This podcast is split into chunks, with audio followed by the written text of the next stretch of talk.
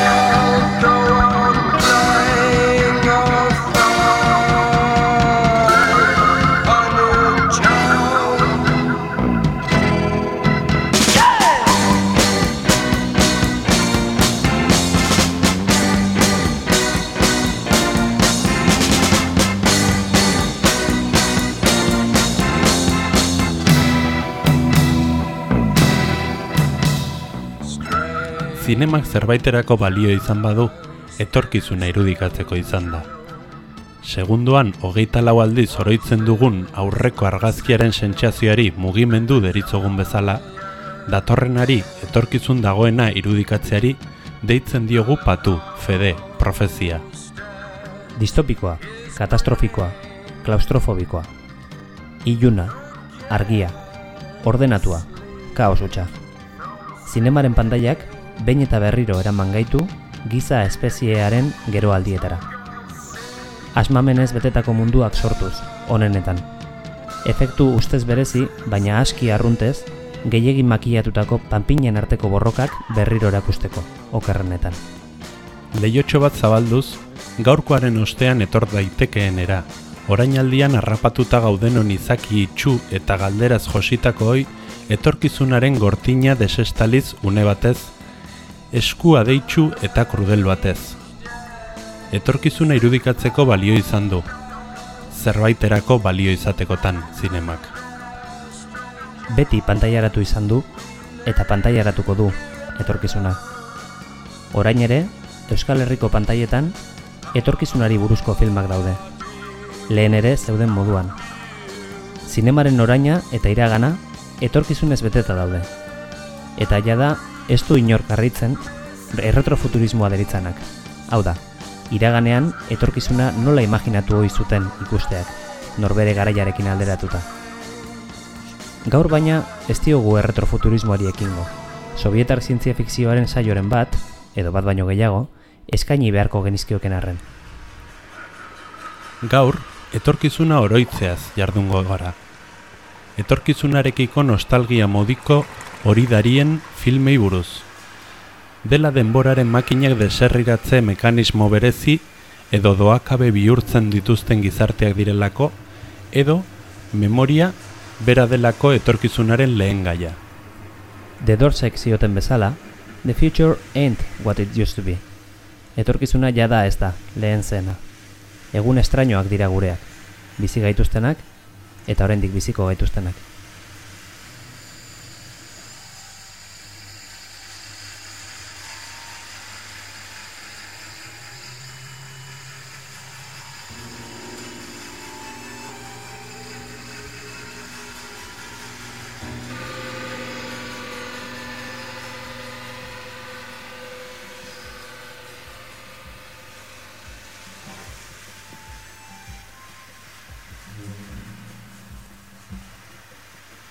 Bi mila eta hamalau, bi mila eta hamazazpi. Suminduen mugimenduek eta askatasun zibilen aldeko taldeek antolatzen darraite. Segurtasunaren aitzakia salatu eta askatasunaren aldarria egiten da Rio, Milan, Kairo eta Pekinen. Madril, Paris eta Berlingo kale protestek eta parlamentuen inguruko setioek transparentzia politikoaren legea eta paradisu fiskalen kontrako araudia izenpetzera derrigortzen dute Brusela. Austeritate eta desaskunde urteak. automonitorizazioaren kontrako erantzun ozena. Populazioaren zati handi bat analogiko egiten da. Facebook, Google eta Twitter bezalako korporazioei boikota eginez. Historialariek irekitze aroa bezala bataiatua eta Slavoj Žižek bentzalariak zirrikitu edipiko aroa. 2000 eta hogeita bost. Estatu Afrikarren batasunerako lehen hauteskundeak. Energia fotovoltaikoaren gordailua errazten duen grafeno derivatuko polimero aurkitzen da. Hamabost urtean, Afrika petrolioaren gatibutzatik aske gera daitekeela kalkulatzen da. Oroitzapen gaiztoen erauzpen selektiboa martxan, modu ez sistematikoan, klinika pribatuetan. 2000 eta berrogeta mabi, 2000 eta berrogeta mazazpi. Bosturteko euforikoa. Komunikazio telepatikorako lehen graduonduko ikastaroa antolatzen du EHUk, donostian. Munduko osasun erakundeak, autoanalizi eta autoebakuntzaren arriskuez ohartarazten du. Milioika mediku eta kirurgilari langabezian, bata zuridunen protesta. Laborategi handiek euren boterea areagotu dute. Venezia, urpean. Barbara Berlusconik, Italiako lehen ministroak, Milango aldirietan eskala bereko Veneziako hiriaren erreplika bat egingo duela agintzen du. 2000 eta irurogei. Nazioarteko tatuatzaileen sindikatuak lortu egin du bere urte luzeetako aldarrikapen nagusia. Larrua zalaren pean txipak txertatzeko tituluzioarekin homologatzen da haiena. 2000 eta irurogeta iru. Etorkizunean, erabateko iraultza suposatuko duen izoste aukeraren bideragarritasunaz hitz egiten hasten dira ikertzaileak lehen aldiz. Vatikanoa, erabat kontra azaldu da. Txinako klinika pribatuetan dagoeneko praktikan jarri ote den zurrumurruak zabaltzen dira. Pirinioetan, parke tematiko berria. Pirinioetako lehen sortzen milakoa. 3D, fully fun. 2000 eta irurogeita bost. Nekazaritza ekoizpenaren esternalizazio espaziala. Lehen negutegiak jartzen dira ilargiaren eta lurraren orbitan. 2000 eta irurogeta. Amaiur Prat, idazle Eusko Kataluniarrak, Nobel saria irabazten du Euskal Letretan pizkunde berri bat eraginez. Alderdia bertzaleen arteko ikamikak hizkuntza eredua tarteko. Euskara batua baztertu eta bilbatua hizkuntza ofizial izendatzen da hegoaldean. Autodeterminazioaren irrikaren berpistearen ondorioz, Euskal protekturatua onartzen da, balio praktiko baino simbolikoagoa duena mundu globalizatuan. 2000 eta larogeita mabi. Olimpiar jokoak Bilbon. Espainiako selekzioarekin jokatzen zuten euskal atletek ezkerrukabila altxatzen dute aldarri bezala domina jasotzerakoan. Josema Ibeltzak bezala pasako dira historiara. Azken droga legala debekatu da. Aurrerantzean ezin izango da alkolik edan, likido egoeran. 2000 eun eta amabi. Denboraren kontrola erdi etxitu gizakiak. Nahieran zabaldu edo konprimitu dezake. Denbora urrea da esamoldeak, denbora orea da leloari utzi dio leku. Hirietako babes eremuetatik kanpo ere bada bizitzarik, eta eriotzarik. Krimena kontroletik at. Bortxaketak, esklabotza, prostituzio derrigortua, ablazioak. Baztertuak ere erruz, estatistiketatik at geratu direnak.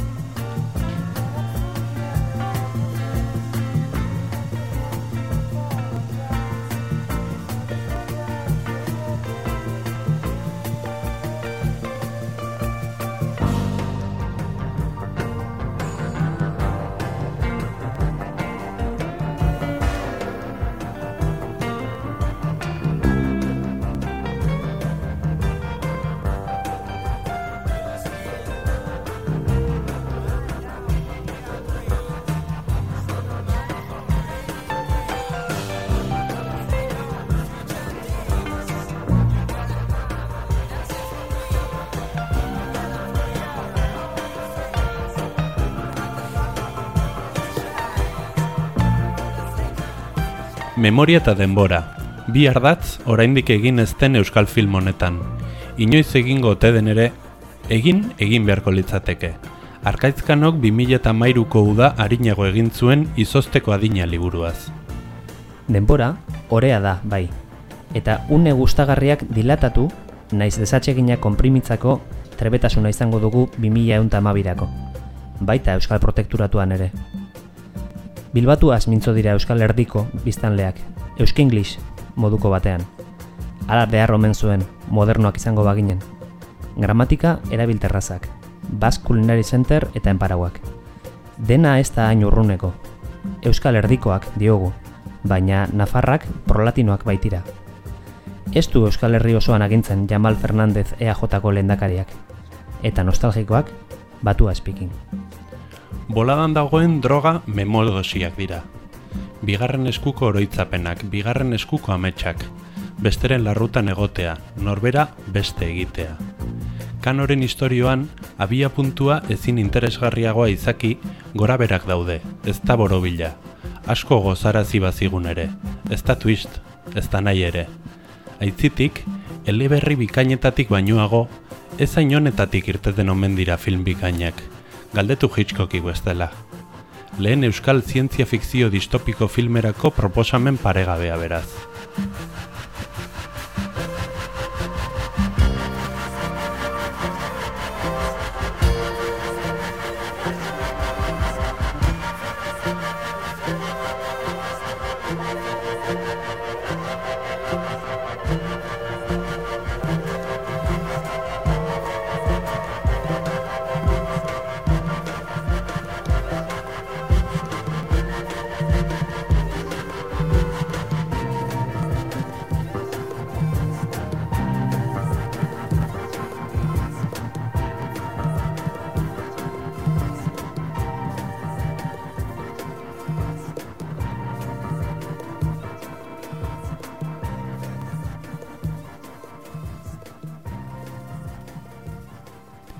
Strange Days, egun estrainoak.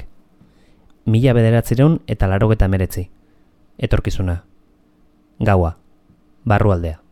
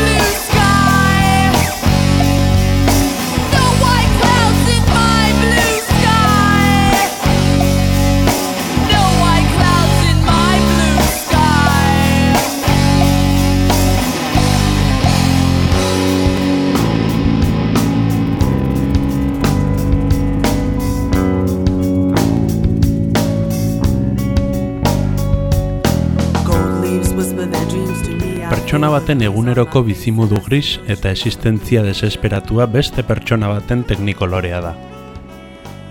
Kanpoaldeko istiluek gure orainaldia gogorarazten digute. Barruraldera begira, giza esperientzia eta memoria kaleko droga bilakatu dira. Entretenimendua jada ez da munduko kopa jokatzeko futbol zelai handienetan ekoizten. Norberaren garunean eta sentipenetan baizik. Hau ez omen da telebista bezala, baino hobe. Hau, bizitza bera omen da. Norbaiten bizitzaren zati bat. Eta zati horiek salerosten ditu Leninerok. Bere bezeroen apaiza da. Psikoanalista. Droga saltzaile. Gizon magikoa. Arimen subkontzientearen Santa Claus. Ralph Fiennes. Leninero. Dena egingarria da. Dena lor daiteke. amazortzi urteko neska bat dutxa bat hartzen izatea zer den jakitea bezala.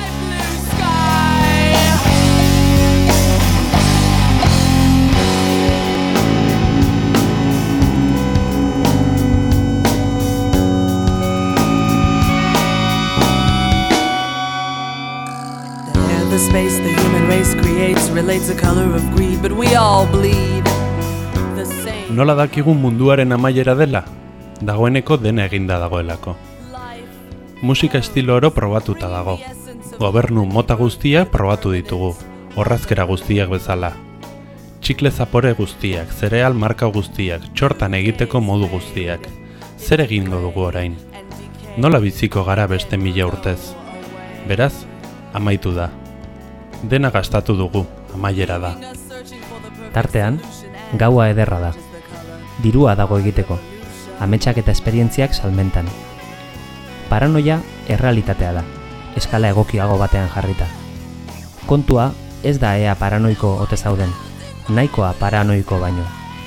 Odei zuririk ez, gure zeru urdinetan.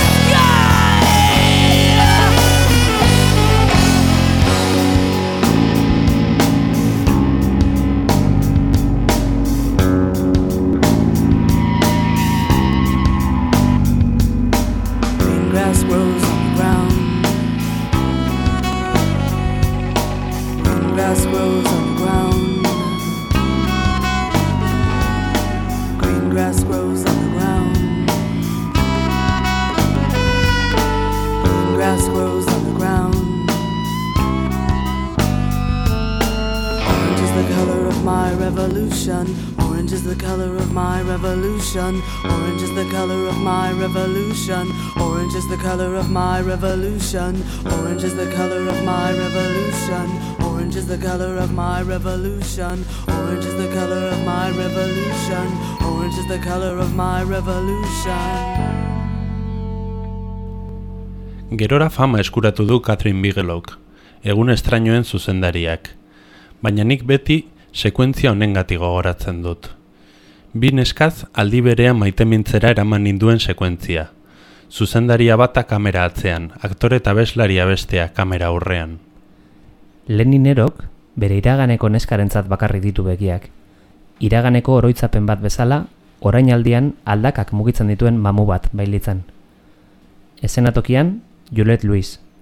Etorkizun alternatibo batetako bere bandarekin. Gaztaizeko azken arrok jaialdian ikusi genion eta oroitzen dugun jarrera bera soinean. Angela Bassetek beranduago kaleko banda oso bati sekulako egurra eman eta Ralph Fiennes gixajo larrua salbatzeko baliatzen duen jarrera berarekin.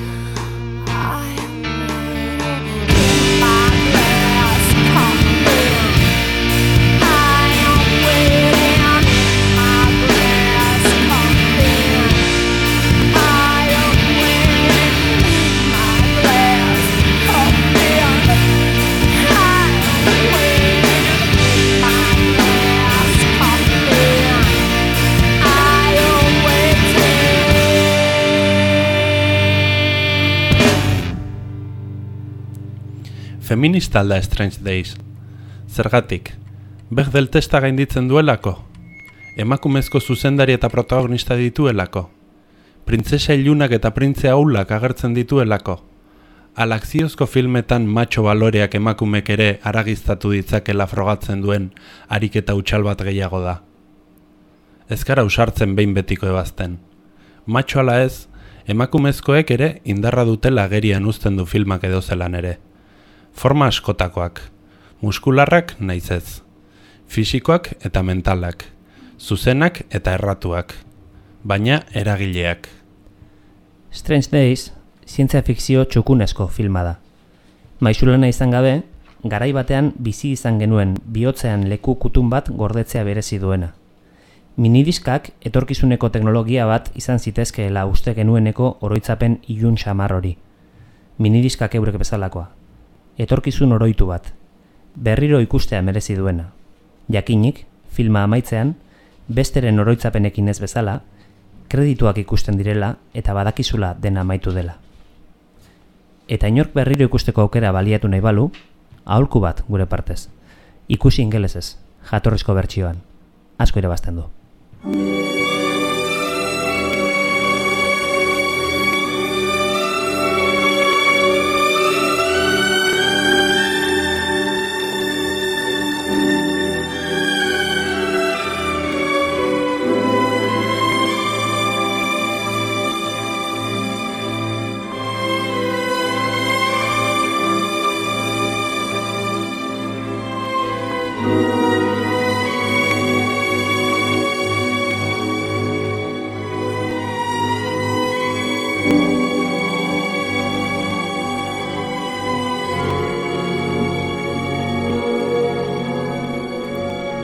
Urrengo bi filmak biak ala biak txikitako oroitzapen batekin hasten dira.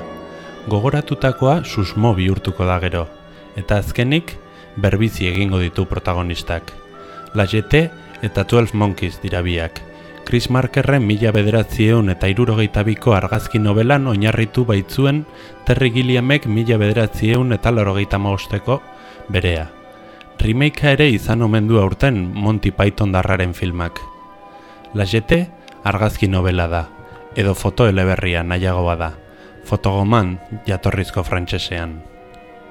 Zuri beltzezko argazkiak, soinu banda eta narratzailearen ahotsarekin. Zinema izateko ezaugarri guztiak hala ere.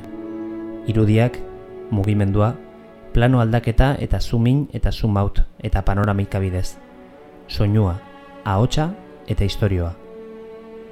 Etorkizun apokaliptiko batetara oporretan joan eta flashback bidez oporraldia kontatu nahi dizun auzokide batek diapositibatan ekarritako amezgaizto bat bailitzan, hogeita sortzi minutuz.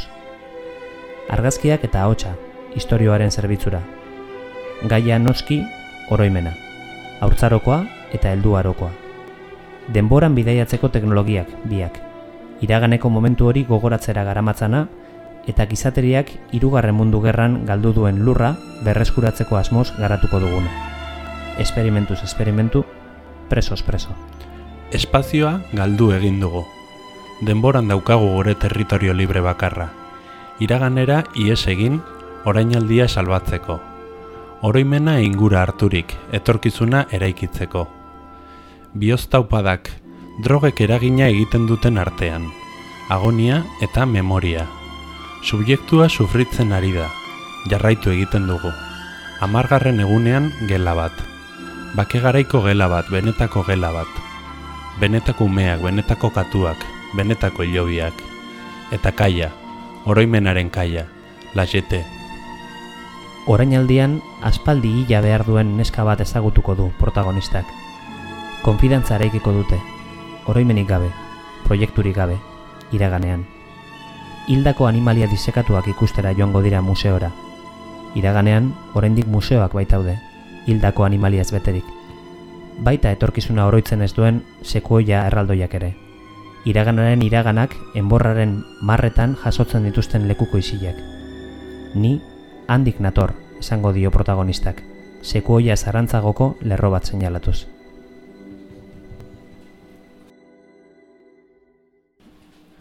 Neskak natural jasotzen du agertu eta desagertzeko joera duen etorkizuneko mamua. Galderarik eta proiekturik gabe, irribarrez. Protagonistak aldiz, etorkizuna eta iragana oroimenak lotzen dituela ikasiko du. Patuaren ari larriz. Eta denborari ezin zaiola ies egin. Korrika egin arren.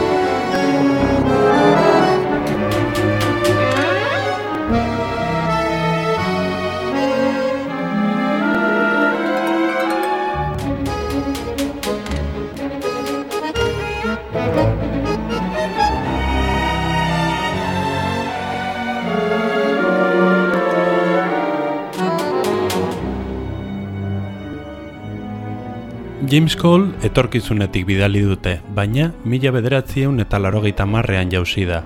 Hirugarren mundu gerra edo txikizio handia, baino sei urte lehenago. Zomorro baten bila bidali dute, denea bila. Eta, eromozorroan, drogek erandgin da lozorro, Brad Pittekin egingo du topo. Kontuzarekin, kontuz animalistekin. Animalia disekatuak bisitatu bainoago, animalia bat bisitariak disekatzekotan egongo baita. Handik aurrera, bidaia karatonat, maitasun historio saiestezina, eta benetako oraina zein den auzitan, benetako eroa zein den kolokan, azkenean hasiera, beti ereko itzulera.